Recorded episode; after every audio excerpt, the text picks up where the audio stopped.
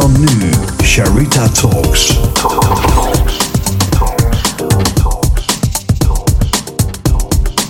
Sharita Talks. Embrace your vulnerability. Sharita Talks. Welkom bij weer een nieuwe aflevering van Sharita Talks met deze keer Meerte. Meerte is 16 jaar oud als haar ledematen. Ze blijkt de ziekte van Lyme te hebben, veroorzaakt door een tekenbeet. Ze komt in een rolstoel terecht en is niet meer in staat om naar een normale school te gaan en belandt op een school voor chronisch zieke en gehandicapte kinderen. Op haar 19e gaat ze naar een revalidatie. Ze visualiseert en werkt hard aan haar doelen totdat ze weer kan lopen. Als motivatiehanger aan de muur afgedrukte foto's van high heels. De pumps waar ze zo graag op zou willen lopen. Want één ding weet ze zeker, ze gaat weer lopen. Ze is nog geen maand ontslagen uit het revalidatiecentrum als het volgende zich aandient. Ze ligt weer in het ziekenhuis, doodziek met een ontstekingswaarde die sky high is. Een heftige en spannende tijd binnen de muren van het ziekenhuis. Ze krijgt te horen dat de artsen niet voor haar kunnen doen en dat ze maar beter rekening kan houden met het ergste. Doodziek en 72 pillen per dag ziet het er niet rooskleurig uit. Maar ook hier geeft Meerte niet op. Ze weet er bovenop te komen en het haar missie te maken om vrouwen te helpen gezond te leven en naar hun lichaam te luisteren. Hoe ze dat heeft gedaan en nog veel meer bespreken we vandaag in een prachtige aflevering van Charita Talks. Sharita Talks. Embrace your vulnerability. Sharita Talks. Meerte, welkom. Dankjewel. Wat een mooie intro, Sharita. I love it. Alsjeblieft. Zo leuk om jou in mijn podcast te hebben. Ja, echt heel fijn. Echt eh, sowieso een heel, heel mooi verhaal hoe wij elkaar hebben leren kennen. Ja, dat is Dat fantastisch. is echt voor de luisteraars. Het is echt een. ehm, ik noem het de love story. Ja, maar dit is. ja, we zeker. kennen elkaar denk ik nu. Nou, wil je, ik laat ik even bij het begin beginnen. Jij bent mij twee jaar, anderhalf jaar geleden gaan volgen omdat ik in de Transformation Nest zat van Merel van der Woude. Ja, absoluut. En jij zat in de derde Transformation Nest volgens Ja. mij. Ja. En wij zijn elkaar gevolgd via Instagram. Hadden ze nu en dan contact. En de laatste tijd steeds vaker. En drie weken geleden, volgens mij, drie of vier Ja, weken drie of vier geleden. weken ja. geleden, ja. Toen eh, hebben we voor het eerst afgesproken. We acht En- uur lang ja. non-stop met elkaar gepraat. Het hield gewoon niet op. Echt. Het was een lunch en jij ging echt na middernacht naar huis. Ja, en ik moest nog terug naar Rotterdam, mensen. Dus dat was echt heel bijzonder. Ja. En ja, dat, dat zegt best wel veel dat ik zo lang met iemand aan één stuk door kan blijven babbelen. Voor mij ook. En volgens mij zijn we nog steeds niet uitgepraat. Nee. En daarom is het ook zo gaaf dat jij meteen ja zei op mijn podcast. Ja. En jouw verhaal is zo. Ja, het is alles. Het is zo eh, heftig, maar ook krachtig. Ehm, ja, vertel. Ja, je was 16 jaar oud, op ochtend wakker werd en eens. Ja, mijn, ehm, mijn linkerarm was heel erg gezwollen. Het ging toen al niet zo goed. Eigenlijk ben ik op mijn dertiende ziek geworden. Ehm, en eh op mijn twaalfde heb ik een tekenbeet gehad. Toen gebeurde er al heel veel. Dus mijn darmen hadden moeite met functioneren. Et cetera. Dus ik lag toen al veel in het ziekenhuis. En toen werd ik ochtends wakker. Op mijn, ik denk dat ik nog net 15 was. eh, bijna 16. En toen, ehm, eh, ja, toen stopte mijn, mijn linkerarm ermee. Langzaam mijn linkerbeen. En uiteindelijk breidde het zich uit naar rechts. Mijn rechterkant deed het iets beter dan mijn linkerkant. Maar mijn linkerzijde was echt volledig verlamd. En ehm, ja, dat was wel echt een moeilijke tijd. Ja.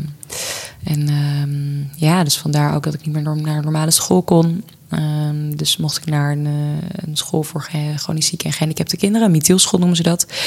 En ehm, ja, dus daar heb ik eigenlijk mijn, eh, mijn schooltijd doorgebracht. Met een eigen slaapkamer die echt voor mij was ingericht. En eh, waar ik dan kon slapen tussendoor.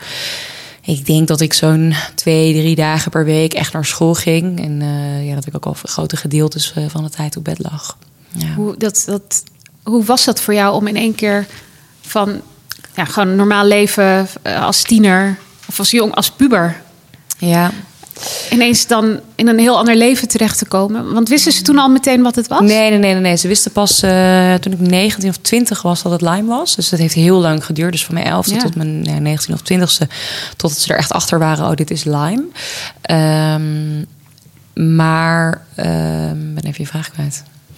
Ik vroeg me af eh, of jij ja, dat is heel heftig. Dat verschil van Ah, een normaal leven naar in één keer heel ziek Ja. en een hele andere school. Ja, absoluut. Nou, het- je moet je voorstellen dat ik zat toen op een normaal onderwijs nog, dus een normale middelbare school. En dat, dat ging niet. Dus dat is ook de reden dat ik naar zo'n school mocht. Dus ik was drie keer blijven zitten om die reden. Ik was echt veel ziek, lag veel in het ziekenhuis, veel thuis. Eh, altijd buikpijn, altijd pijn in mijn, in mijn, in mijn lijf. En ehm, ja, dat is, dat is de reden dat ik niet meer naar normale school kon.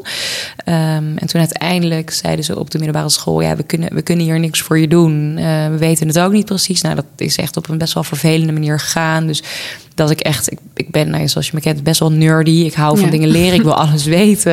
En, eh, dus ik vroeg ook echt om huiswerk, maar ik kreeg het niet. Dus dan moesten mijn medestudenten moesten dan huiswerk doorgeven. En dat gebeurde natuurlijk niet, want ja, we zijn 15. Weet je, Ja. je bent, je bent op, die, op dat moment 15. Dus niemand is bezig met huiswerk. Iedereen is bezig met eh, de leukste jongens van de klas. En eh, het, het- dat soort dingen, make-up, eh, nou ja, je feestjes, whatever.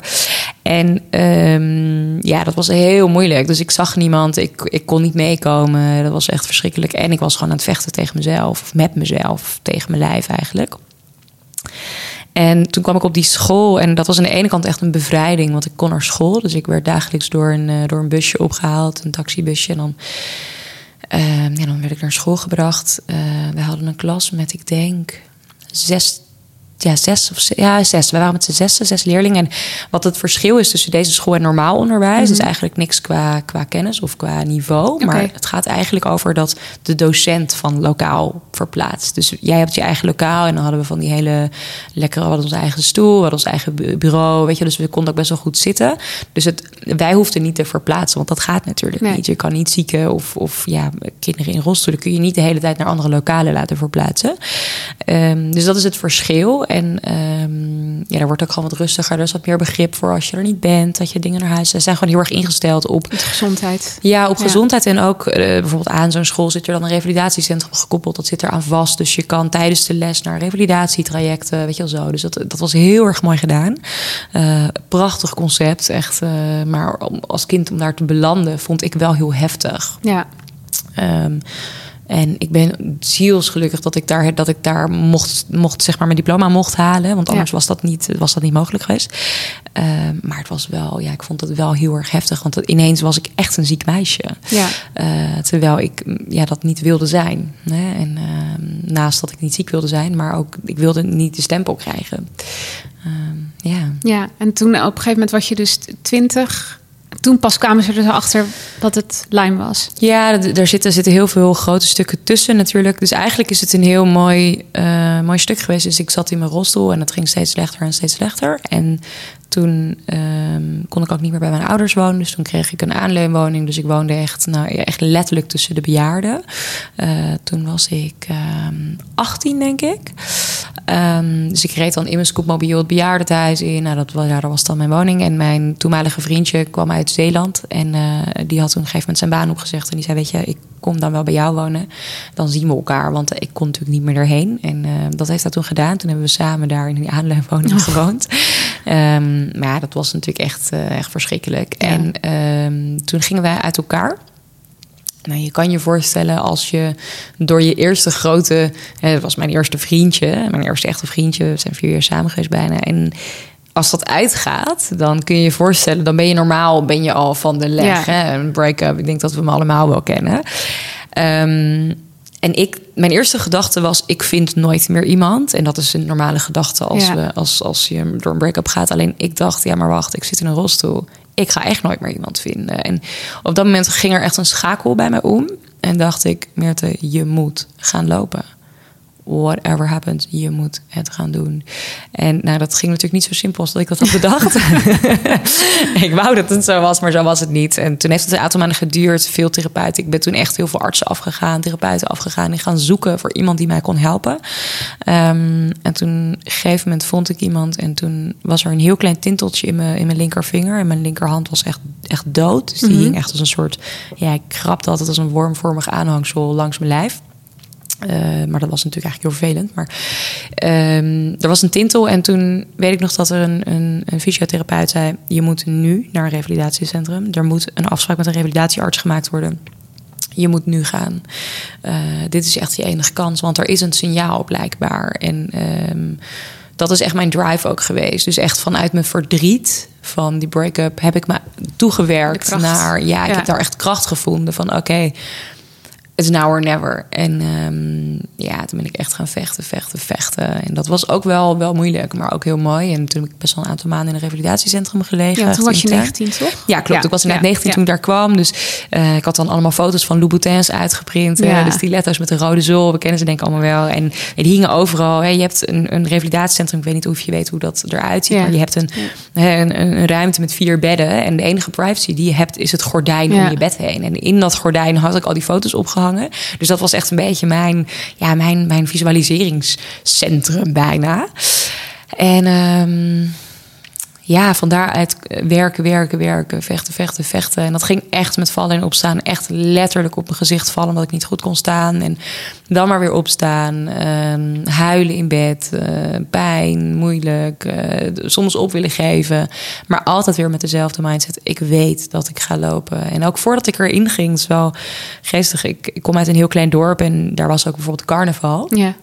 En ehm, ik weet nog dat ik, dat is in de elfde van de elfde is dan altijd eh, een soort van de aankondiging wie, Ja. nou ja, een soort van naar de carnaval toe. En ik weet nog dat ik toen zei, over een paar maanden ben ik terug met carnaval. Dat was dan in februari, ben ik terug. En dan loop ik op hakken.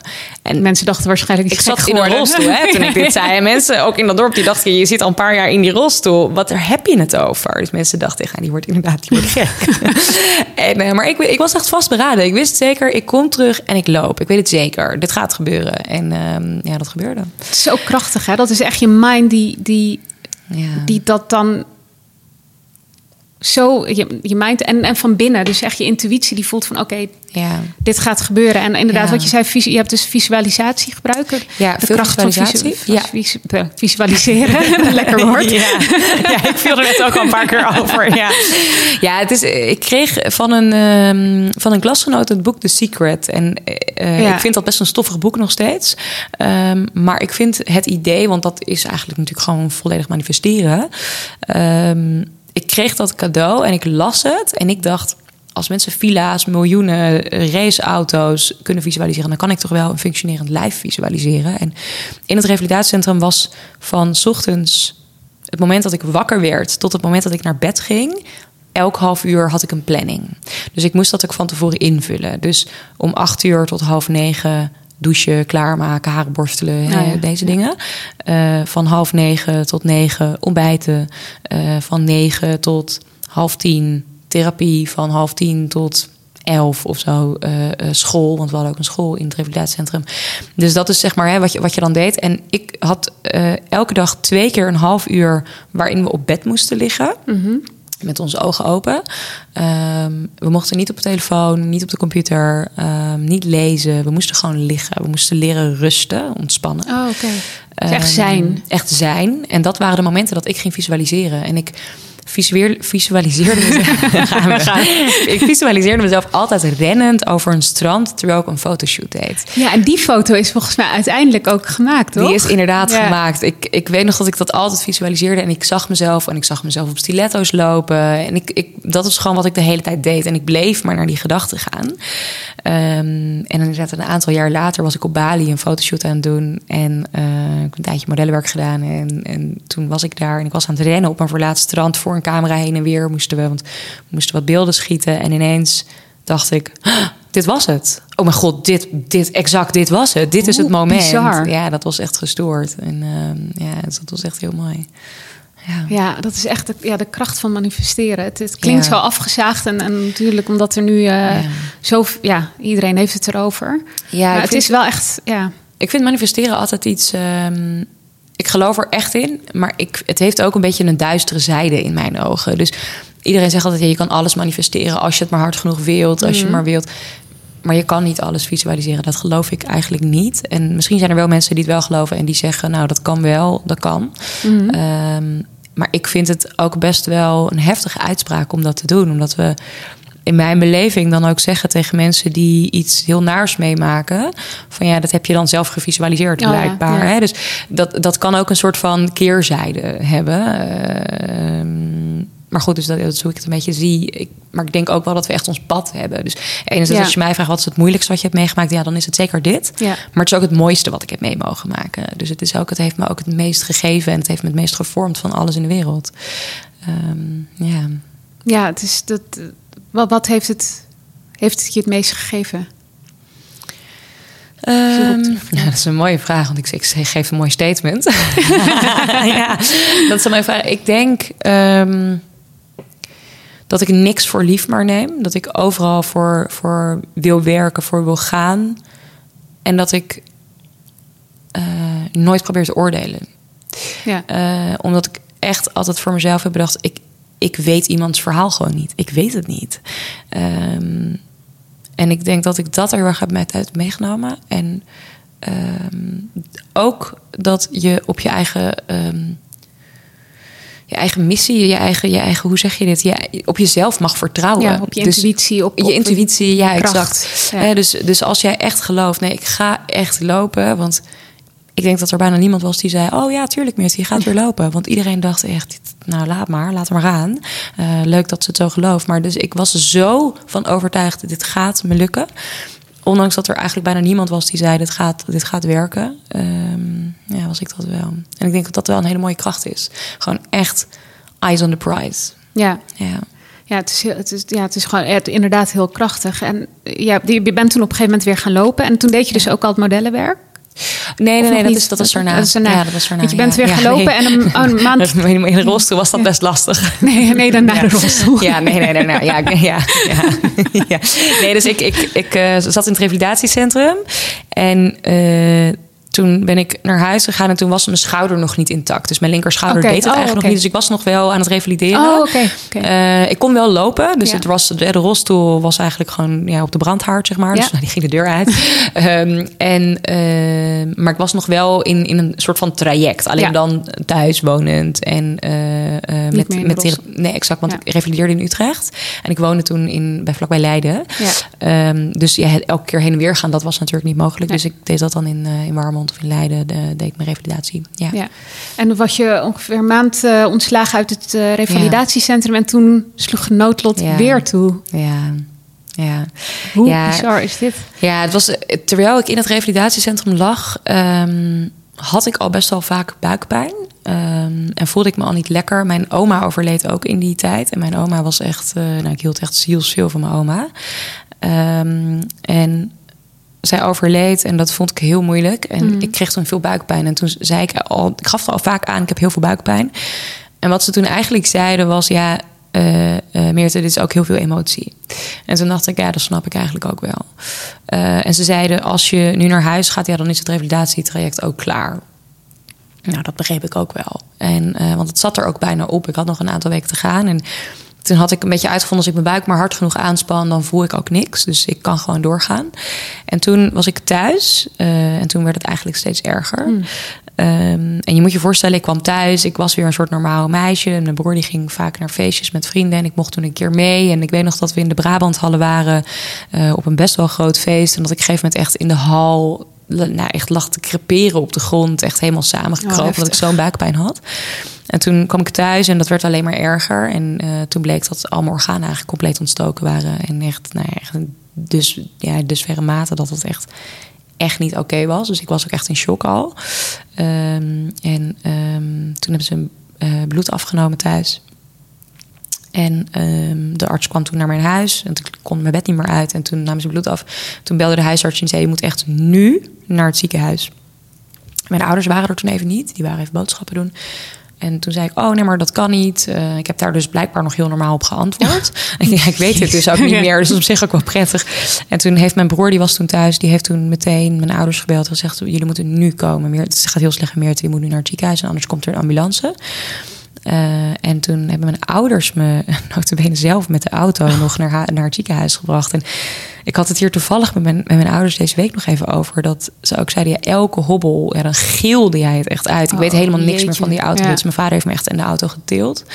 Ehm, en toen kwamen we in het ziekenhuis en toen ben ik eigenlijk meteen eh, naar de afdeling gebracht en meteen eh, onderzocht. En toen wisten ze niet wat er aan de hand was. Ze wilden toen eigenlijk meteen gaan opereren omdat ze dachten, er is iets met die galblaas niet goed. Wat is hier aan de hand?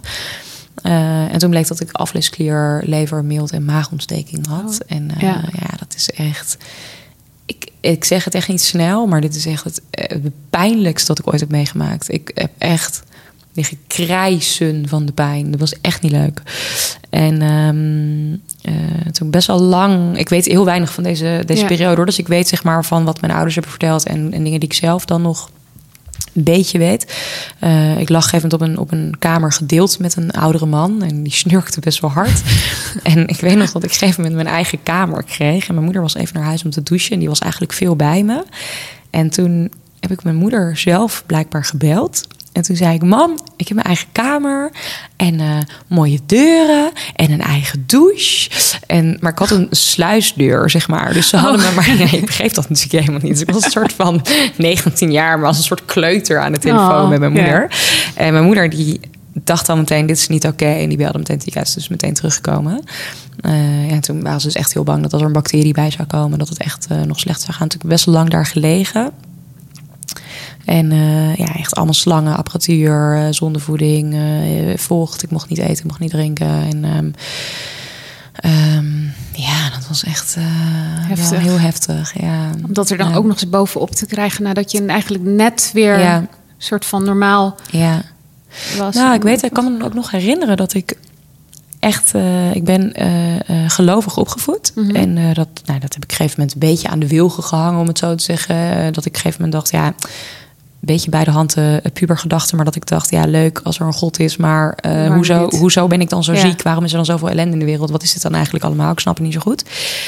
En ehm, dat heb ik dus allemaal een beetje gelaten. En toen ik in het ziekenhuis lag, toen weet ik nog dat ik, dat ik echt zei: kan ik met iemand praten? Want ik begrijp het niet meer. Ik begrijp het niet. Wat, wat heb ik verkeerd gedaan? Wat is er gebeurd? Waarom moet het zo? En ehm, ik heb net leren lopen. Is het dan allemaal voor niks geweest? Ja. Heb ik dan zo hard gevochten voor niks? En ik, het raakt me nu weer nu ik het zeg. En eh, ja, dat was echt heel moeilijk. Ja. Ja, dat, ja, ik Ja. begrijp wel dat je dan... dan ja, het is Ja. gewoon bizar dat het dan in één keer weer... een soort van opnieuw begint voor je gevoel. Ja. Ja. Ja. daar gingen we weer. Echt. Ja. Want het was, het was zo heftig dat ze ook dachten van... nou ja, weet je... ehm, Nou, ik ben toen wel naar huis gestuurd met de boodschap: we kunnen niks meer voor je doen. Nee. Eh, mijn organen waren echt dusdanig aangetast dat het echt, ja, wel echt problematisch was. Ehm, dus ik slikte 72 pillen per dag om überhaupt een beetje te functioneren. En dan moet je je voorstellen dat ik druiven, crackers en water kon verdragen. Ja. Voor als ik iets anders had, dan ging het sowieso mis. Ja. En dus dat met die 72 pillen, dat was wat ik deed. Ehm, en eh, ja, dat was echt niet, eh, dat was niet leuk. Nee. nee, wat, wat is daar op een gegeven moment het punt geweest... dat er dan omslag geweest? Want je bent er, nou ja... Hè, Ik ben er uitgekomen. Ja, ja, I'm still, I'm still here. Jazeker. Nee, ik ehm, eh, leerde toen iemand kennen. En ik was al best wel in de, in de alternatieve hoek bezig. Ja. Aan het zoeken. Van wat is er nou mogelijk? Acupunctuur. eh nou ja, echt verzin het. Maar ik heb er wel naar gekeken en naar gezocht. En wel eh, eh, gekeken of er mogelijkheden voor mij waren. En toen, toen leerde ik iemand kennen die in biofotonen gespe- gespecificeerd was. En dat is eigenlijk het het resetten van de blauwdruk van de cel. Ehm, en van daaruit gaat het lichaam zichzelf genezen. Oké, interessant. En dat ben ik gaan doen. En dat is mijn, eh, mijn redding geweest. Ja, dat is echt mijn redding geweest. En hoe werkt zo'n eh, therapie? Kan je daar iets meer over vertellen? Ja, zeker. Dat is een, het, is een, het is een apparatuur en je wordt daaraan ja, aangesloten, zou ik haast zeggen. Dat klinkt meteen heel, heel heftig, maar het valt mee. Je houdt eh, kwartsglas vast. En kwartsglas is eigenlijk het enige soort materiaal wat ehm, fotonen geleidt. En wij zijn als mens opgebouwd uit licht. Hè? Dus als je Ja. onze ehm, druppel bloed onder een darkfield microscoop legt, dus een microscoop met een donkere ondergrond, dan zie je dat ons, eh, ons licht, zeg maar, dat, er, dat het oplicht. Bij, hè? Dan kun je dat goed zien. Dus wij zijn eigenlijk licht hè, in die zin. Ja, dat vind ik een heel mooi ja, idee. dat is Ik echt vind dat super vet. prachtig idee. ja. Eh, er zijn echt veel, veel onderzoek ook naar gedaan. Dat vind ik dan maar heel leuk. En ehm, die cellen kun je. Ik, ik zeg altijd dit, ziet een beetje voor als een TL-balk. Die geeft een beetje flikkerlicht. Dus dat is een is instabiel licht. En dan heb je een, een, een LED-lamp, zullen we maar noemen. Het is heel stabiel en steady licht. En dat is eigenlijk wat je wilt. Dus je wilt dat je ja. cellen het signaal heel soepel en sterk doorgeven. En dat is eigenlijk wat dit, eh, wat dit deed. Dus dit zorgde ervoor dat de cel eh, niet meer het flikkerlicht gaf, maar dat het heel stabiel werd. En dat, ja, dat is bij mij, eh, bij mij gedaan. En toen heel langzaam knapte ik op. En eh, dit is wel grappig, want ik weet nog dat. ehm, eh, dat toen de vraag was, Meerte, wat is het, wat, wat, wa- wanneer voel jij jezelf beter? Wat is voor jou een punt dat je, dat je gezond bent? En ik, ik weet ook niet of ik echt geloofde dat ik toen beter zou worden, om heel eerlijk te zeggen. Ik dacht wel, leuk, laten we het, laten we het doen. Laten we En nu ik- even kijken. ja, en ik had, ik had er ook wel vertrouwen in, maar ik had niet het gevoel van, oh ja, dit gaat echt mijn leven redden, zeg maar.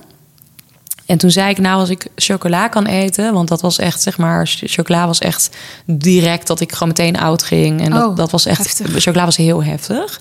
Eh, de chocola en alcohol was echt, zeg maar, no, no, no go. Ehm, en ehm, ik weet nog dat op een gegeven moment eh, eh, de man die mij behandelde, wat mijn toenmalige vriend was. Toen was hij dus mijn vriend. En hij zei toen, ik denk dat we heel langzaam weer wat chocola kunnen gaan eten. Dus ik zei, oké, oké. En mijn ouders waren op vakantie. En ehm die waren in Noorwegen. En ik had, eh, was naar de supermarkt gegaan. En ik dacht, weet je wat, ik ga gewoon alles kopen waar ik trek in heb. Dus ik repen chocola, nou ja, echt voorzien maar wat, wat ik wilde Ja. Ik had alles gekocht en eh, ik kwam thuis. En ik begon met een heel klein flintertje chocola. Ja. Want ik was natuurlijk ook best wel bang. En ehm, ik nam een hap. Nou, dat half uur ging eigenlijk best wel goed. Nog een stukje. Ja. Weer een half uur, weer goed. Nog een stukje, nog een half uur, weer niks aan de hand. Ik dacht, nou, dat kan toch niet? Ik die hele reep naar binnen. Ja, Oh ja, het is- ik ben echt van de alles of niks. Maar dit was wel echt, ik denk, mijn, level. mijn, mijn toppunt van alles is niks. Eh, die hele reep. En nou, ik weet echt, ik stond te springen op de bank. En dat ik Oh. echt mijn ouders begillend opbelde. Ik ben helemaal beter, ik doe het weer. Ik heb een chocola gegeten. En mijn moeder die dacht, ja, shit, straks is ze weer in shock. Misschien is ze gewoon in shock. En we, we- we weten niet wat er aan de hand is. Ze zaten natuurlijk daar. Dus ze ja. Waren best wel... Hè, ik kan me ook voorstellen, voor mijn ouders is het best wel naar geweest... om dit te zien. Dat ze dan ineens een stuiterende meert aan de lijn krijgen. Die, ehm, maar goed, dat ehm, was dus inderdaad zo. En, Het is wel, het is eh, gewoon ook, ook goed blijven gaan. ja, het is echt heel goed gegaan. Ja, ja, nee, dat is helemaal, helemaal goed gegaan. En vanaf daar ben ik heel langzaam gaan bouwen. En het is niet alleen maar de biofotoon geweest. Het is ook echt, ben helemaal mijn, mijn woning laten ontstoren. Dus met straling ben ik bezig geweest. interessant, Eh. Met supplementen ben ik bezig geweest. Ehm, eigenlijk deed ik alles wat ik daarvoor deed, deed ik compleet anders. Ik sliep letterlijk achterstevoren in bed. Wow, Dus ja. zeg maar, ja, het is letterlijk een ommekeer, zeg maar. En ehm, ja, dus dat is wel hoe dat, hoe dat is gegaan. En soms vragen mensen wel eens, is dat denk je placebo? En dan zeg ik, ik weet het niet, maar het heeft wel gewerkt. Het maakt me ook eigenlijk, care, eigenlijk ja. niet eens uit wat het is geweest, om heel erg eerlijk te zijn. Ja, Want hoe oud was je op dat moment? Dat, dat moment 21. ontmoeting? Was je 21? ja, ja. En je had je toen al dus heel erg verdiept in eh, alternatieve geneeswijzen. Ja. En ook eh, hè, voeding, eh, denk ik. En, en Ja. dat. Ehm, was dat ook het moment dat je besloot ge- gezondheidswetenschappen te gaan studeren? Ja, toen ik, toen ik daarvan genas, dus toen ik echt voelde, mijn lijf doet het eigenlijk weer. Dat was wel het moment dat, ehm, dat ik het wilde begrijpen. Dit Ja. is mijn, mijn reactie op alles wat er door mijn leven gaat. Ik wil het begrijpen. En ja, dat gebeurde hier ook. Dus ik wilde snappen wat dit was. Dus ja, gezondheidswetenschappen ehm, was wel de makkelijkste stap voor mij. Om, en ik was echt, je moet je voorstellen, ik was echt knetternerdy. Ehm ja. Herkenbaar. Dat ik, ja. Dat ik ook echt, dan hadden we, hadden we lunchpauze. En dan vroeg ik ook aan een professor, kunnen we alsjeblieft lunchen? En ik weet nog dat mijn klasgenoot een beetje zo gek naar me keek. Van, huh, gaat ze nou, gaat ze nou lunchen? serieus met, eh, ben je een man aan het forcieren? Wat ben je aan het doen? Ja, ik denk echt dat er dat gedacht werd. En dat ik echt mijn aantekenblok meenam. En dat ik zei, oké, hoe zit dan dit? En hoe zit dan dat? En hoe, ik nog een vraag. En hoe is dan dit? En hoe, nou, ik bleef maar schrijven. En ja, daar heb ik zoveel van geleerd. Want je hebt je ook specifiek op, eh, op een richting, ge, een richting uitgekozen, toch? Jij Ja, het ik heb- niet uitspreken. Nee, ik heb ben gespecialiseerd. Het, het is eigenlijk complementary health science heb ik Ja. gestudeerd. En de specialisatie is biofotonen. Ja, precies. Ja, dus Ja. ik heb daar zeg maar specialisatie in gedaan omdat ik dat eh, knetter interessant vond eh, en vind. Ehm, en ja, dus daar ben ik heel erg in, eh, in gaan verdiepen. En ehm, ja, dat is prachtig. Ja, het is echt Ja. heel bijzonder hoe dat, dan, hoe dat eigenlijk dus dat zo op jouw Ja. pad gekomen is door alles wat je meegemaakt. Als, als, als we dan de vraag weer op, op de vraag terugkomen die ik je eerder stelde, wat heeft het je gebracht? Heeft je ook Ook business. Dit- ook, ja, ook dit mijn, want- het is ja. ook mijn pad. Weet je, en Ja. ik geloof ook dat dit soort dingen brengen je ook. Weet je, hoe rot ook. Maar het brengt je ook inderdaad op de plek waar ik denk dat ik moet zijn. En eh, dat is dit. Ja. Ja, ja het is Ehm. dat. Een, eh, En je kan mensen begeleiden tot hoe diep je zelf bent gegaan. nou, precies, dat, dat, dat herken ik heel sterk. Ik, ik denk dat ik pas echt in die kwetsbaarheid ben gestaan en kwetsbaarheid ben gaan onderzoeken en interessant begon, ben gaan vinden toen ik zelf van rock bottom zat en Ja. daar geen andere keuze had dan kwetsbaarheid laten zien. Wat ik je dus van de week ook vertelde, dat ik toen voor het eerst ook weer ik was toen 36, bij mijn ouders op de bank, bank lag, mijn lichaam deed het niet meer en Ja. ja. Ja, dat is verschrikkelijk om mee te maken. En dan en Ja. dat, maar dat, dat wel tegelijkertijd dan dat punt is dat je denkt, oh, maar dit is mijn pad, dit is Ja. mijn missie, dit is Ja. mijn visie, dit is Ja. hier wil ik andere mensen ook bij Maar begeleiden. Hoe knap, hoe knap is het als ik, als ik naar jou kijk, dat ik denk hoe knap dat je op dat moment voelde. Oh, maar wacht even. Want je maakt eigenlijk van, van de duisternis maak je het licht. Ja. Eh, en ja, dat is ook zoals ik je ken, heb je dat ook gedaan. Dus dat is iets heel moois. Ja, dankjewel. Ehm, ja, maar het, het ver- vergt wel, denk ik, veel reflectie. Ook om dat te- te zien terwijl je erin zit. Dat is Ja, best een dat is ingewikkeld hoor. ingewikkeld. Ja, dat Oei. is- Want je wilt eigenlijk natuurlijk gewoon huilen in een hoekje. En, en niks meer voelen en niet meer nadenken. Nee, maar dat heb ik, ook, heb ik ook, ook een tijdje gedaan. Twee maanden of zo, dat ik letterlijk dat, dat gewoon maar gedaan heb. Want ik dacht, ja, en, en heel veel geslapen. Ja. Want ja, ik, ik was heel ook echt de ziel ook echt rust. Ja. Ja. Maar en op een gegeven moment, toen zat ik daar op mijn diepste punt en ik dacht, ja, nee, maar dit ben ik niet. En toen in één Ja. keer is het omhoog gaan. En, en gaandeweg kwam ik er dus achter dat ik dit, dit hele stukje kwetsbaarheid en hulp vragen, zag ik omheen dat heel weinig mensen dat doen. ja. En dacht ik, ja, maar dit is zo magisch. Hoe, hoe bedoel je met hulpvragen? dat Nou, heel veel mensen doen? durven geen hulp te vragen als het niet goed met ze. Of Ah, überhaupt te zeggen dat het niet goed gaat. Ja. Ik bedoel, het is niet dat het, dat, dat ehm, eh, wat misschien de aannames die de buitenwereld soms... Het is niet altijd roze geur en maneschijn. Wel unicorns en rainbows. Nee. En, eh, I wish. Weet je, dat... dat ja.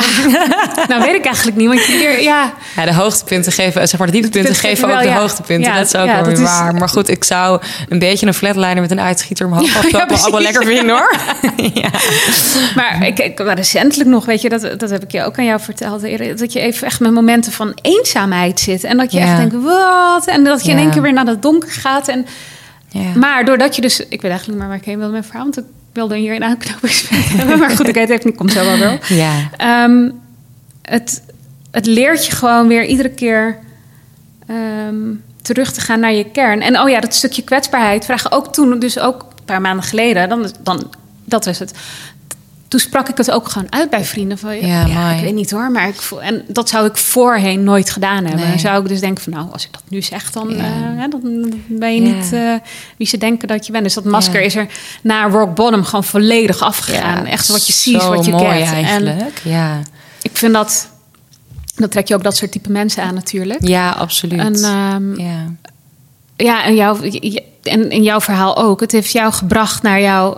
Hè, dat je dat gezondheidswetenschap bent gaan studeren, daar Ja. eh, eh, geïnteresseerd geraakt bent. Hoe ben jij daarna uiteindelijk bij je missie gekomen?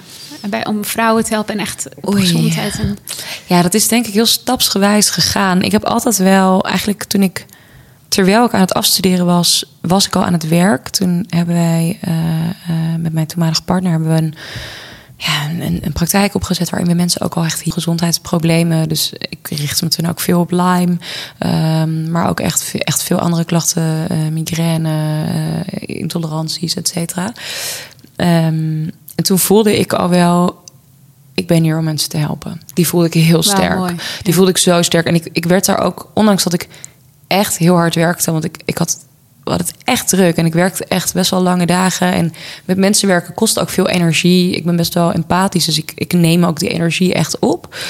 En ehm, dus dat kostte me ook veel energie, maar het maakte me ook aan, eh, zeg maar aan het einde van de dag ook heel blij en heel gelukkig. Weet je, dan kreeg ik weer een berichtje van: hé, hey, Meert, dat gaat zoveel beter met me. Of ouders met kinderen die echt stuurden meer te echt dank je wel. En het is niet een soort dat ik de superhero wilde zijn, helemaal niet. Maar omdat ik gewoon wist hoe rot het was als je daar zelf zit. Dus ik, ik dacht echt, als ik iemand kan helpen, dan ben ik echt heel, heel blij. En dat voel ik nog steeds. En eigenlijk daarna eh, eh, ben ik best wel veel in de, in de modellen scene ook weer aan het werk gegaan. En ik merkte dat ik had nooit de ideale maten. Dus voor mij was het best wel vechten. Nou, eigenlijk was het niet vechten. Het was een, bijna een struggle. Omdat ik niet mezelf... Ik wilde mijn lichaam geen kwaad doen. Omdat ik dacht, ja, wacht even. Jij hebt al te veel meegemaakt. Ik ga heel goed voor je zorgen. Maar die maten die ik moest hebben met mijn bone structures... en hè, gewoon de- het figuur wat ik heb... was bijna niet mogelijk. En ik weet nog dat ik een beetje zo observeerde... en dat ik dacht, hoezo kunnen sommige modellen heel veel eten... en andere niet? Hoezo kunnen sommige mensen eh, eh, de hele dag, bij wijze van spreken, McDonald's en donuts eten. En de andere alleen maar salades. En kan het zo zijn dat degene die alleen maar salades eet... en een heel ander figuur heeft en er helemaal niet blij mee is... en eigenlijk veel meer vet opslaat. Hoe werkt dat? Ik ben zeg maar een beetje in die bijna kleuterfase van waarom, hoezo is dit, Ja. hoezo is dat. Daar ben ik eigenlijk blijven hangen. Daar zeg ik het wel eens voor de gein. Maar dus dan keek ik er en dan dacht ik, hè, hoe kan dat? Hoe zit dat? Hoe werkt dat? En ik weet nog dat ik dat gegeven moment probeerde uit te zoeken en dat ik, nou, daar had ik niet echt een antwoord op. En toen ehm, ben ik eigenlijk per toeval in een opleiding beland over sport. Omdat ik dat heel leuk vond. Dus ik vond het zelf gewoon interessant. En daar ging er ook best wel veel over hormonen. En toen dacht ik, hé, hey, dit is interessant. En toen ben ik weer veel verder in hormonen gaan verdiepen. In revalidatie van spieren. Dus, eh, want ik wilde ook eigenlijk gewoon mensen echt verder ondersteunen. Dus ook een meisje bijvoorbeeld in mijn praktijk... die de ziekte van Lyme had. Die kwam echt uit, uit een rolstoel, liggend op de bank. Die had volgens mij 14 jaar thuis gezeten. En die kon weer een beetje de wereld in, stap voor stap. En toen zei ze meer, wil je me helpen met sporten? Toen zei ik, ja, dat wil ik wel. Maar ik, ik weet niet zo goed eh, of ik daar gekwalificeerd voor ben. Ik, ik ga dit uitzoeken. En Ja. dat is ook de reden dat ik eigenlijk een beetje sportopleidingen ben gaan doen. En daar leerde ik dus weer over die hormonen kennen. Dus die revalidatie kwam er toen echt bij. En toen kon ik haar daar weer bij helpen. En toen dacht ik, wow, dit is zo onwaarschijnlijk dankbaar. Dit is niet normaal gewoon. Dit is... Toen dacht ik echt, wow, ik, ik kan echt verschil maken in mensen hun leven... eh, zonder dat ik het doe. Maar ik kan ze een hand geven en als ze hem pakken, dan doen we het samen. Ja. I love it. Ehm, dus dat is echt ja, waar mijn hart nog steeds letterlijk sneller van gaat kloppen. Dus Zo mooi. ja, dus Ja. ik voel ook echt gewoon van, oh ja, yes. Weet je, en nu ook met alle vrouwen die, die, die bij, mij, bij mij komen. Het is, ik word echt warm van hun, hun successen. Weet je, dat is gewoon, dat is gewoon heel cool om, ze- om ze te laten zien hoe dat lijf werkt. En hoe, hoe, gewoon hoe je eigen lichaam werkt. Als je dat eenmaal snapt. En ik begrijp oprecht niet waarom dit niet op school geleerd wordt. Waarom leren we op school van alles en nog wat, maar niet hoe we voor ons lichaam zorgen? Ja, maar eh, daarover gesproken, lichaam, maar ook hoe je voor je geest moet zorgen. Je wordt helemaal geen, eh, geen, Nee. geen aandacht aan besteed. Nee. Eh, lichaam, geest wordt gewoon niet meegenomen. En Nee. En het is het enige wat we hebben, hè? ja, Het is het enige waar we zelf invloed op hebben. Ja. En, en dan denk ik, ja, jeetje, eh, oké. En nu dan? Hoe, waar leren we dit? Moeten we dat echt leren door te vallen en weer op te staan? ja, dat is wat, wat, wat, er, Wat er gebeurt. wat er gebeurt. Ja. En hoe het, hoe het nu gaat in het leven. Maar ik ben ook wat dat betreft, het schoolsysteem zou daar echt wel aan aangepast moeten worden. Want Ik denk dat ook. dat zijn de grootste, dat zijn de belangrijkste lessen. Want die Ja. baan, eh, of, of dat, dat, dat huis, dat, dat- die auto, whatever. Uiteindelijk zit daar het geluk Nee. niet in. En dat is heel makkelijk praten eh, nu in jouw prachtige appartement zitten. maar nee, maar ik denk, hè, weet je, kijk, zeg maar, het, het, het, ge- het geeft een bepaalde, zeg maar, een bepaalde levensstandaard is heel prettig. Ja. Maar alles daarboven, het gaat niet meer of je nou in een, in een, in een, in een, een random auto rijdt of in een Bentley. Het maakt niet uit, feitelijk gezien. Hè? Nee. Eh, dus, maar hoe jij je voelt, hoe gelukkig je bent, hoe je met Nee, maar, jezelf ja. omgaat, dat maakt uit. Dat maakt verschil. Ehm, ja, dus ik, ik zou echt. Ja, ik, ik heb vroeger wel eens, wel eens geroepen, is misschien een spannende uitspraak, maar dat ik zei: als ik één ding zou mogen doen, zou ik dat wel in het, in het onderwijs willen veranderen. Ja, dus dat ik dat echt op zou kunnen zetten. Ehm, ja. Ja, het grappige is dat het bij mij ook al steeds meer opkomt. Want ik kom ook uit een eh, gezin waar... Nou, mijn vader is eh, inspecteur geweest van onderwijs. Dus het onderwijs is altijd in mijn leven geweest. zit erin, ja. Maar ik... ehm, toevallig dacht ik daar vanmorgen nog aan. Ja. Dat ik dacht van ja, moet... Want ik kan me daar dan echt over zo op zitten vreten. Maar echt Ja. op een niveau dat ik gewoon bijna... Dat, dat ik denk van, jullie, doe even rustig. Doe rustig. Ja, Weet je ja. wel, wat- ja, maar het is gewoon het gaat je aan. Weet je? En, En- eh, het is ook beschermend bijna. Ja. Het is ook, dat is het ook, toch? Ja. Ja, en, en dat ik denk van ja, zou ik daar niet iets in, in moeten kunnen betekenen? Of hè, in combinatie met de anderen inderdaad, dat je een paar ondernemers bij elkaar eh, neemt en zegt van oké, Dit is wat we gaan dit, doen. Dit, ga- dit gaan we doen.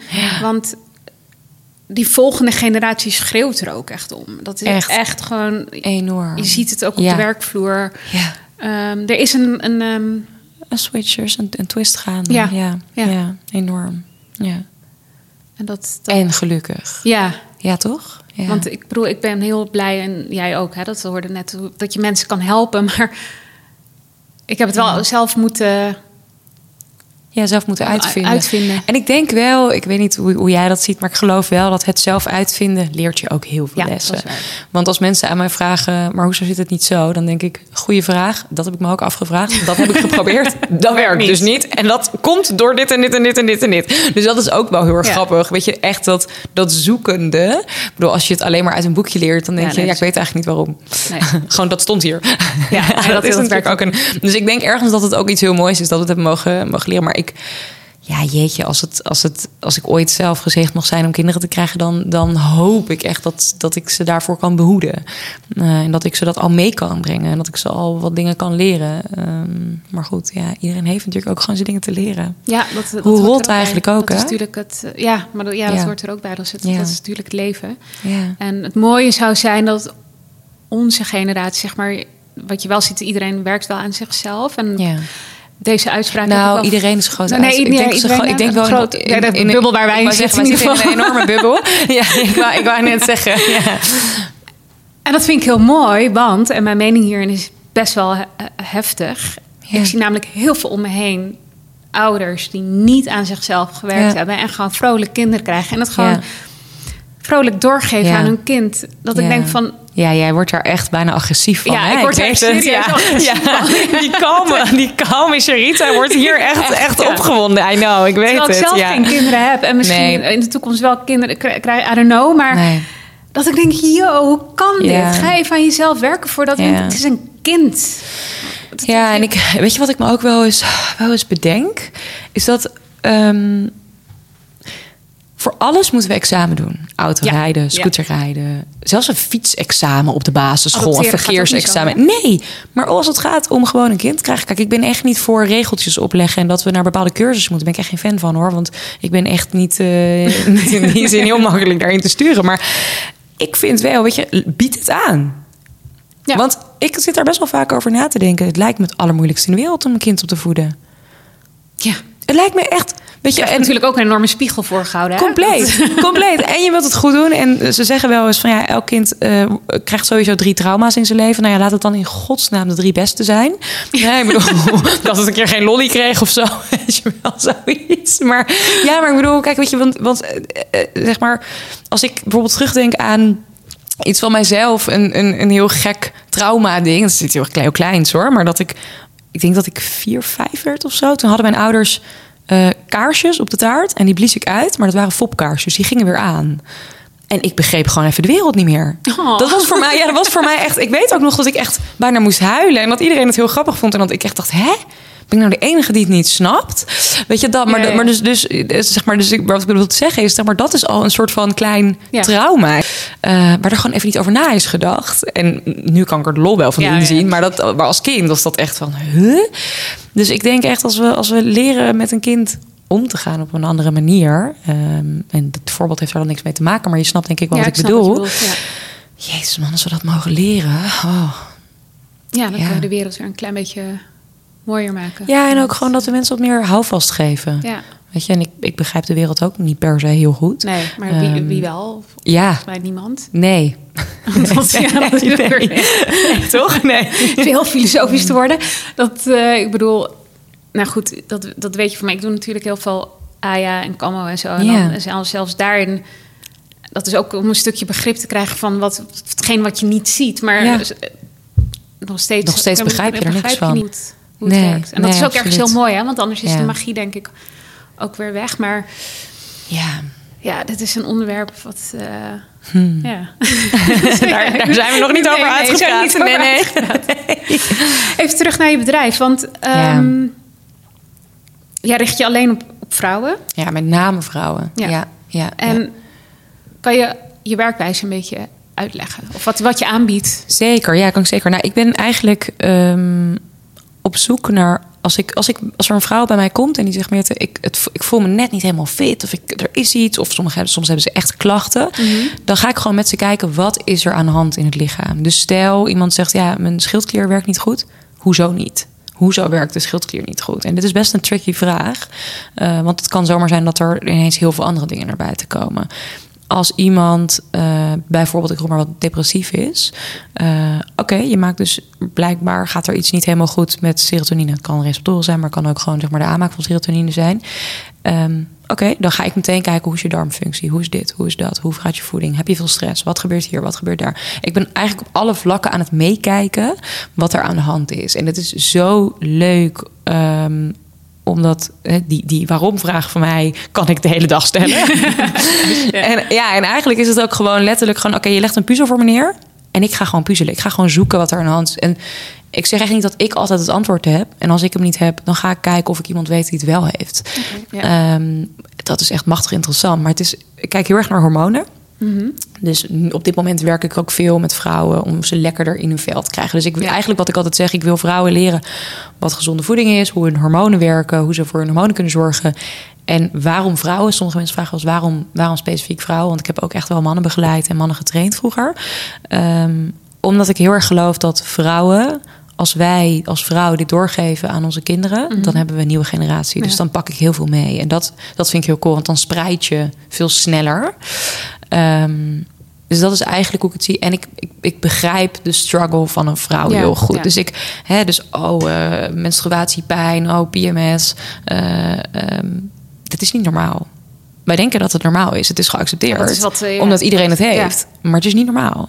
En dus daar, daar kijk ik heel erg naar. Dus ik doe dat op het. eh, dus ze komen bij mij, dan gaan we meten. Dat is natuurlijk een hormonale meting. Dan gaan we samen kijken van oké, wat, wat gebeurt er nou in je lichaam? Dan stel ik nou duizend en één vragen. Ehm, als het nodig is, doe ik later nog een test doen. Misschien een bloedtest, misschien een paar vragenlijsten. En aan de hand daarvan eh, ga ik kijken wat, wat er nodig is om te doen. Eh, en dat kan met sport zijn. Dus op dit moment bied ik ook veel online programma's aan waarin we samen trainen. Ehm, en dan gaan we echt aan de slag om te zorgen dat iemand een lifestyle kan creëren. Dus ik Ja. zeg altijd dit: ik wil niet dat je eindeloos bij mij bent. Eh, en dat, dat klinkt altijd een beetje lullig, zo bedoel ik het niet. Maar business-wise is het best onhandig. Hè? Want wat veel mensen doen, trainen, die geven een trainingsschema, voedingsschema voor een maand. En dan zeggen ze: ja, over een maand moet je terugkomen. Ja. Dan bind je iemand enorm. Ja. Wat ik heel erg wil is, zeg ik, luister, we gaan een maand met elkaar aan de slag. Dan wil ik dat je het begrijpt. Als je het niet begrijpt, bel je me, contact je me. Dan help ik je weer verder. Maar eigenlijk is dat wat we gaan doen. En ik wil echt dat mensen het leren en zelf de verantwoordelijkheid ook gaan nemen. Ja. Dus het zelf uitzoeken. Dus mensen vragen ons, ja, kun je, kun je me recepten sturen? Dan zeg ik, nou, ik heb je gegeven, aangegeven wat je mag eten. En daarbinnen kun jij zelf recepten maken. Eh, hey, ik ben ook geen topkok, weet je. Maar, het is, nee. Ehm, maar neem de verantwoordelijkheid. Ga zelf zoeken. Ga online zoeken. Er staan duizend en één recepten. En dus, dus ik probeer ze heel erg daarin te begeleiden. Dus echt een beetje die... die ehm, die verantwoordelijkheid nemen voor hun eigen gezondheid en voor hun eigen lijf. Eh, wel met liefde, dus niet van eh, nou succes ermee, eh, ga nu maar iets zelf doen. Nee, Zo is het helemaal nee, niet, maar wel echt met liefde. Dus ik hou ze wel vast en ik ondersteun ze en ik help ze waar ze het kunnen vinden en hoe ze het kunnen uitvinden.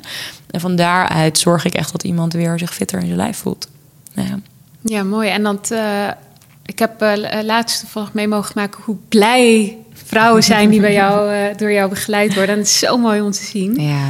Dat, Ja. ja. ja, dat, dat helemaal gewoon lekker in hun vel zitten, inderdaad. De- het en is dat, het is echt niet het, dat. het, ehm, want ik weet nog dat ik jou op een gegeven moment ook benaderde van ja, ik wil eh, gewoon een schema, eh, zoveel eiwitten, zoveel Ja. koolhydraten, zoveel, eh, wat is het, vet. Vetten. En ja, zei hij, nee, dat doe ik niet. Nee, nee, en er zijn heel veel mensen die er Ja. ontzettend goed in zijn. Maar ik zeg altijd dit, ik, ik, ik vind calorieën tellen, vind ik echt... ik denk dat het, dat het voor sommige mensen handig is om inzicht te krijgen in wat ze eten en wat Ja. ze doen. Maar wat er gebeurt, dat we voor mensen of vrouwen, mensen, alles op de weegschaal, een handje noten, hoeveel gram noten is, doe eens normaal. Eet gewoon heel even naar behoefte. Luister naar je lijf. Leer naar je lijf luisteren. Want een sixpack bouwen is super leuk. Het Mhm. is heel knap. En ik heb echt veel respect voor als mensen het doen. Hè. Begrijp me echt niet verkeerd. Eh, maar een tekort creëren in voeding betekent ook een tekort creëren in vitamine en mineralen. 100%. Ja. Want dat is wat je aan het doen bent. Je bent je lijf aan het uitputten. Ehm, en dat is. Dat kan er heel mooi uitzien. Dat vind ik heel cool. En ik vind de drive die mensen daarin hebben waanzinnig. Want dat, ik bewonder dat. En ik vind dat gaaf om te zien. Ik ben natuurlijk echt een sportvrouw in die zin. Eh, maar als je aan mij vraagt, hormonaal gezien of, of gezondheidswise, ja, dan zou ik daar wel een beetje wegblijven. Ja. En ook mindset-wise. Dus ik krijg veel vrouwen die zeggen: Ja, nee, maar ik durf niet los te laten. Ik wil mijn calorieën trekken. En wat ook jij zei: Nee, maar ik wil weten hoeveel gram van dit, hoeveel gram van dat. Ehm, ja, dat hoeft niet. Dat hoeft echt niet altijd. Nee, nee, ik heb het zelf in het verleden dus wel gedaan, inderdaad. Toen ik op Curaçao woonde. Ja, het werkt goed. Ja, ik was, ik was super ripped. Ja, Maar, en, ja. maar op een gegeven moment was het zo erg. Want ik sportte natuurlijk dan ook nog eens eh, vijf dagen in de week. Ja. Dat eh, twee keer per dag soms. Ja. Dus 's ochtends en 's avonds. Dat Hoe voelde jij je toen? Ik voelde me wel heel dat ik dacht, yes, weet je, dit is het perfecte, eh, tussen aanhalingstekens, het perfecte lichaam. Dus fysiek was ik heel sterk. Maar op een gegeven moment begon mijn haar uit te vallen. En, dingen. en toen dacht ik, wow, wacht even hoor. Wacht even, hier, hier gaat Ja. iets niet helemaal goed. Ja. En ehm, het was denk ik ook het plaatje wat ik, wat ik dacht dat, er, dat ik moest neerzetten. Ja. Ehm, dus ik denk niet dat het uiteindelijk heel gezond eh, Nee. voor me was. Nee, ik denk ook dat het vaak ook uit bepaalde overtuigingen komt. Inderdaad, Ja. het lichaam gaat echt aangeven: hé, hey, ik wil dit niet. Nee. En ik geloof echt dat een lichaam echt een signaal soms geeft van: hé, hey, stoppen nu. Ja. En soms geeft het meerdere signalen. En soms stop je pas inderdaad als je haar uitvalt. Ja. En dan denk je: oh nee, Dit wil ik niet. oh nee. nee, ja. Nee, en, en, en wat ik eigenlijk daarna altijd gedaan, ja, gewoon normaal eten en genoeg sporten. Ja, Ehm, maar wat ik bijvoorbeeld bij mezelf wel merk, is dat ik, ik ben natuurlijk laatst 40 geworden. Ook wel denk Ja. van, ik moet nu wel even gaan opletten hormonaal. Ik heb een Ja. bloedtest laten doen, nou, daar zijn een paar dingen uitgekomen. Ja. En bij jou wil ik dan wel echt kijken van, goh, je hormoonhuishouding verandert gewoon. Dat is het feit. Ik Zeker. kan daar natuurlijk kan dat 100%. moeilijk gaan zitten ontkennen. Nee, maar die hormoonhuishouding vanaf zeg maar 40, dus zeg maar richting de overgang. Nou, ik zeg niet dat je daar bent, hè? ik zie al bijna paniek in je ogen. Nee, nee, nee, maar, richt, maar, die, maar, maar gewoon aan zich de overgang, dus even los van jou, Ja. is een van de meest ingrijpende dingen in een vrouwenleven. Hè? Je hebt geen idee. Dus als is ik dat gewoon stabiel exact. houden. Ja. En wat daar ook bij komt, eh hormoonhuishouding. En ik ben al nou, ruim een half jaar nu gestopt met de pil. Dus ik heb Ja. in één keer ben ik en 40 geworden. En ik dacht van Ja. oké, ik wil die rotzooi niet meer in mijn ja, lichaam. dat, ja. Dus dat, heeft, dat, dat is ook wat aan het doen met Ja. mijn, eh met mijn hormoonhuishouding. Zeker. Maar wat, wat denk je bijvoorbeeld van, eh, van veel stress? Veel, veel vrouwen werkt hard. Dus als ik omheen kijk, eh, als ik bijvoorbeeld naar jou kijk, maar als ik bijvoorbeeld eigenlijk ook al naar mezelf kijk. Wij kennen ook veel vrouwen die echt Ja. heel hard werken. Ehm, wat doet dat met je hormonen? Hè? Cortisol-levels gaan omhoog. Wat doet dat? Hè? Insuline eh, alle kanten op. Er gebeurt zoveel. Hè? Gaat de cortisol omhoog? De darm raakt misschien wel beschadigd door veel stress, et cetera. Kun je weer andere hormonen niet goed aanmaken. En op den duur put je dus je lichaam uit. En dus het is overal, dus niet alleen de voeding. Het is zo belangrijk. Ja, het is, dat, dat is wat ik de laatste, of dat ik al de hele tijd voel. En langzaamaan ook misschien meer in die rust ga. Dat ik echt zoiets Ja. oh, ik wil gewoon niks. Even, rust. Gewoon rust. Ja, En dat Ja. is mijn lichaam die letterlijk zegt van... ja. joh, ga maar even lekker flowen. Ja. feminine energy. En, Ja. ehm, En het is fantastisch dat jij je leven zo hebt weten, weten te bouwen dat dat kan. Hè? ja, Maar er zijn, ja, nee, maar dat vind ik fantastisch. En ik vind dat ook heel mooi om te zien. Maar er zijn zoveel vrouwen die dat niet kunnen. En dan moet je daar omheen gaan bouwen. Van oké, je hebt inderdaad een hele drukke baan. En je hebt kinderen. Ja. eh, en een relatie die je goed wilt houden. En een sociaal netwerk. Oké, hoe gaan we ervoor zorgen dat we jouw systeem zo rustig mogelijk maken? Ja, Ja, dat- dat, is best wel dat- een uitdaging. Maar ook ja, voor Ja. ons allemaal. Volgens mij lopen we er allemaal tegen. Zeker, maar het is, het is mogelijk. Het, kijk, Ja. soms zeg ik wel, ja, je moet wel echt een keuze gaan maken en, Ja. en goed gaan kijken. Maar dan is wel een gezonde fundering eigenlijk het allerbelangrijkste wat er is. Want als je, ik zeg altijd dit, als je een, eh, een sportauto rijdt, hè, dus, dus nou, als je zeg maar veel wilt kunnen, veel van jezelf vraagt, dan ben je eigenlijk wel gewoon echt een sportauto. Eh, de remmen moeten goed werken, je moet goed gas kunnen geven, alles moet gewoon hè, goed, goed functioneren. Als ik daar de verkeerde benzinesoort in gooi, ja, dat gaat niet goed hoor. Als ik diesel Nee. in een benzineauto hoor. Dat, nee, dat werkt niet, Nee. begrijp je? Dus ehm, dat is bij ons ook. Dus we moeten onszelf voeden met de juiste voeding. Maar we moeten ook zorgen dat we het kunnen opnemen, et cetera. Dus dat hele systeem, het hele stelsel, dat moet kloppen. Ja, ja en, en eh, even alleen gericht op ondernemen dan. Ondernemen Ja. is ook gewoon topsport. Hey, dat ja, is echt gewoon niet normaal. Nee. Ik nee. denk ook niet dat het voor iedereen is. Ik raad het ook niet iedereen aan. Het is niet voor Nee. iedereen. en Ik raad het ook niet iedereen aan Nee. om te doen. Want het is echt op Nee, het is- level. Jee, we hadden het er net nog over Ja. dat we echt soms in tranen op de grond liggen. Van, oh my lord, wat ben ik aan het doen? Ja. Eh, en dan zie ik, oh, krijg ik weer een blij appje en dan doe ik het weer. Ik weet niet hoe jij dat hebt, maar... Nou ja, deze week toevallig eh, heb ik dan. Er komen er nu heel veel aanvragen binnen. En ik word er heel blij van. Maar ik zei dat ook net tegen jou. Eh, Ja. dat het gevaar wat daarin schuilt... is dat je dan in één keer weer in een soort van overdrive gaat. Dat je Ja. denkt, als Ja. malle weer gaat. Oké, linkerbaan. Ja. ja, daar gaan we weer. Ja, ja, wat, wat ook denk ik wel heeft gezorgd dat, dat we staan waar we staan. Ja, dat is waar. Ja. Toch? Ik bedoel, het Ja. is ook zeg maar eh, dat, hele, dat hele babbly wat we allebei hebben. Van, Ja. oh, oh, je wil iets voor elkaar. Oké, daar gaan we dan. Weet je? En ja, moet dat s'nachts, moet het overdag, moet het 's ochtends vroeg? Ja, we doen het gewoon. Ja, dat. Is, eh, ja, en dat is voor, voor... Ik krijg heel vaak de vraag van mensen... hoe, hoe doe je dat dan? Want het is niet één bedrijf, zijn er drie. en- Exact, ja. En- ik vraag en- me dat bij jou ook wel eens af hoe je dat in hemelsnaam doet. heel veel delegeren. En dat, eh, en eh, kijk, er is natuurlijk completing the circle. Dat is Ja. natuurlijk waar mijn hart van aangaat. Maar ehm, ik merk vooral bij mensen in loondienst dat die echt die, denken van nou, die is gewoon die is gek geworden. Ja. Hoe doe je dit? Ja, En tegen die klanten zeg ik ook altijd: maak je maar geen zorgen. Ik maak echt wel die uren voor jullie en ik zorg dat het werk exact. goed is. Ik regel het. maar dat is ook. Je doet, wel. het, je, je, Maar- doet, je doet wat nodig is. Ja. Ja. Ja, Ja. het is echt. eh, als ik erover nadenk wat ik nu even aan het doen ben voor de luisteraar, dat is gewoon soms gekke werk. Ja. Ja, nee, maar dat, dat is het ook. Ja, ik, ik heb dat bij mezelf ook. Ik zou niet anders willen. Nee, ik ook niet. En zou niet anders Waar ik denk willen. nog wel les in te leren heb, of tenminste wat ik nu wel veel meer doe, zonder me schuldig te voelen, is soms gewoon een hele zondag op de bank liggen. Oh, dat heb ik ook wel eens. Ja, Want daar Ja. had ik echt wel moeite mee hoor. ja dat herken ik heel erg. Maar ik, de- Ja. ik heb het soms nu dat ja, ik doe het en dan is het gewoon prima. Ik heb dat En- echt moeten leren. Ik weet nog dat ik een tijd bij een, eh, bij een vriend van mij even in, eh, in huis woonde. En dat ik, dan kwam ik thuis en dan had ik de hele dag gewerkt. Toen had ik nog, eh, nog een sportschool. En nou, best wel druk, weet je, we hadden veel personeel. En, eh, dus ik moest veel managen, maar ondertussen ook veel mensen begeleiden. En dan kwam ik thuis, en, of bij hem thuis, en dan zat ik op het puntje van de bank met mijn eh, elleboog op mijn knieën. En dan zei hij, Meerte, moet je ergens heen? En dan zei ik, nee, ik zit gewoon. en dan zei hij, ga eens normaal zitten. Dan zei ik, zit normaal. Maar ik begreep gewoon niet hoe ik op een bank moest zitten. Gewoon dat, dat luieren, dat heb ik echt moeten leren. Ja, ik en ik weet nog dat, hij, dat ik in het begin dacht, wat zeg je nou? En mijn, mijn vriend nu, die, nou, die zegt echt gewoon... nee, jij hebt ontzettend hard gewerkt. Jij gaat gewoon even lekker liggen op de bank. En dan zeg ik, nee, maar ik wil nog even iets doen. En dan zegt hij, nee, we gaan gewoon lekker filmpje kijken. En dat vind ik soms nog moeilijk. Maar hij leert me zo ontspannen. vind ik zo goed. Dat is zo goed hè? Ja. Hoe mooi is dat? Ja, Ja. ja, ja, is fantastisch. Ja, dat, heb- dat, dat, dat heb je ook nodig. Ja. Dat, eh, Hoe doe jij dat? ja, waar, dat, waar ontspan jij? waar ontspan jij? Wat is voor jou? Hoe leer je dat? Hoe voel je dat? Hoe ervaar je dat? Nou, ik zou het wel fijn vinden als iemand het tegen me zou zeggen. Zou het wel makkelijker gaan. Nu zeg ik het dus tegen mezelf. Ja, Ehm, in het begin voelde ik me dus heel schuldig. Dus dan deed ik nog iets. Dan ging ik toch nog even een nieuwsbrief tikken of content. Oh, Want dan dacht ik, dan heb ik dat gedaan. Ja. Maar ehm, er zijn bij mij twee dingen koken.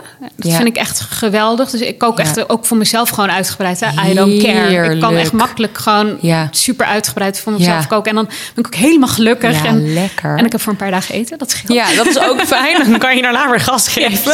Ja, En ik speel piano sinds april. Ja. En dat is echt gewoon geweldig. Want dat Ja. brengt mij in het moment. ja fantastisch. Ehm, want en jouw uitzicht vanaf jouw piano is ook briljant, is gewoon- laten we wel wezen. Ja, is gewoon awesome. Dat, Ja. ja.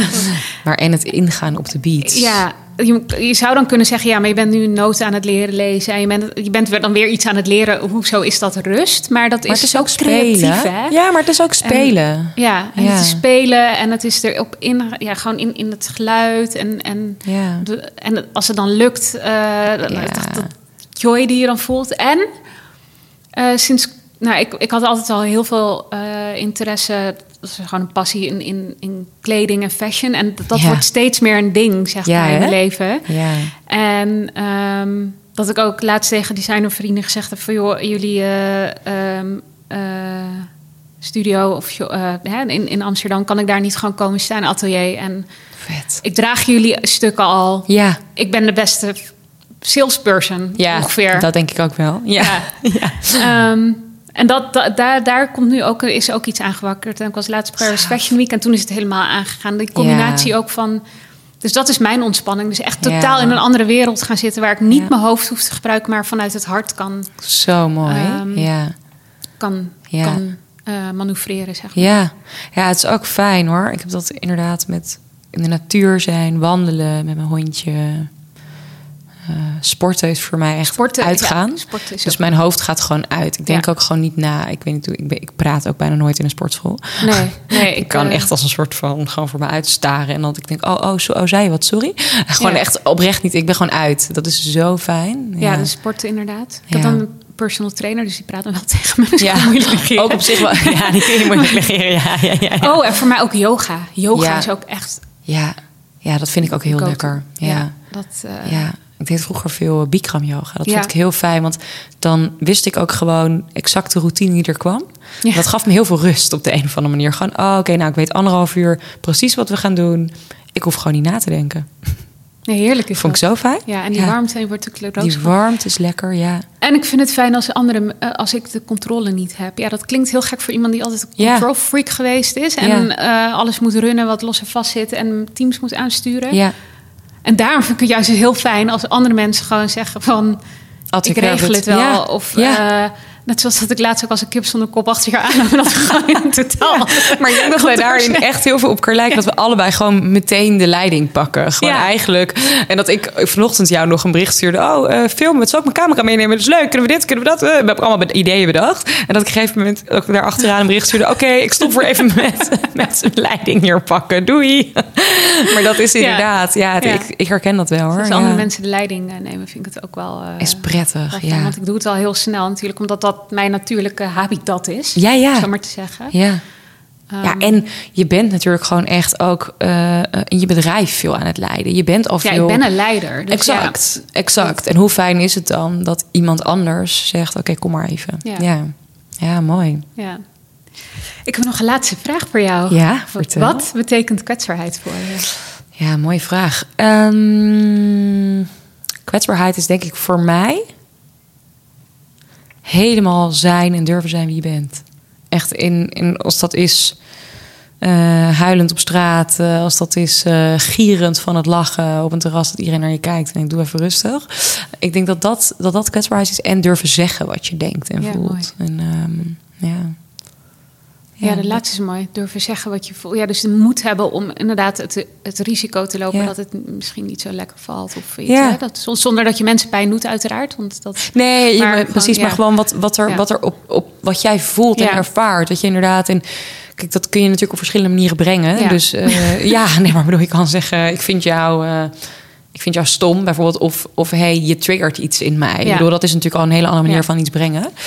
Ehm, ja, ik denk wel dat dat, eh, dat dat voor mij echt kwetsbaarheid is. En ook, denk ik, het loslaten wat anderen vinden. Voor, voor mij is dat eigenlijk kwetsbaarheid. Loslaten wat anderen vinden en daarmee het risico dat, dat je mensen kwijtraakt. Ja. Bijvoorbeeld. Hè? Of dat er iets kan gebeuren wat je niet zou willen kwijtraken, is dan een, een gek voorbeeld. Maar je snapt denk ik wel wat ik bedoel Ja. daarmee. Ja, dat is voor mij kwetsbaarheid. Wat is dat Ja, voor mooi. jou? Voor mij is het echt dat masker af. Ehm. Ook hoe ik het zelf ervaar heb, maar ook hoe ik het om me heen zie. Masker af en de, de moed hebben om die kwetsbaarheid volledig te omarmen. En echt te zijn wie jij bent. Echt Ja. jou, jij, jouw authentieke zelf te laten zien. Ja, En in verbinding, verbinding gaan staan met anderen. mooi. Dat vind ik een mooie. Ja. Hoe, wat, is, wat is voor jou in verbinding staan met anderen? Ja, voor mij dat? gaat het echt op. ehm, ik ben er heel. Ik ben er best wel lastig in. Daar hadden we het laatst ook over. ja.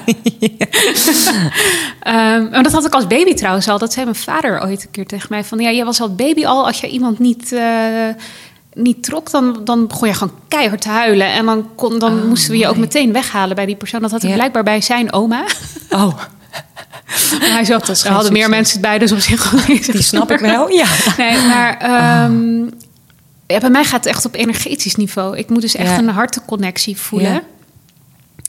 En dan kan ik verbinding, dan, dan sta ik in verbinding. Weet je, want ik ben mega empathisch. eh, Dus ehm, ehm, ondanks dat ik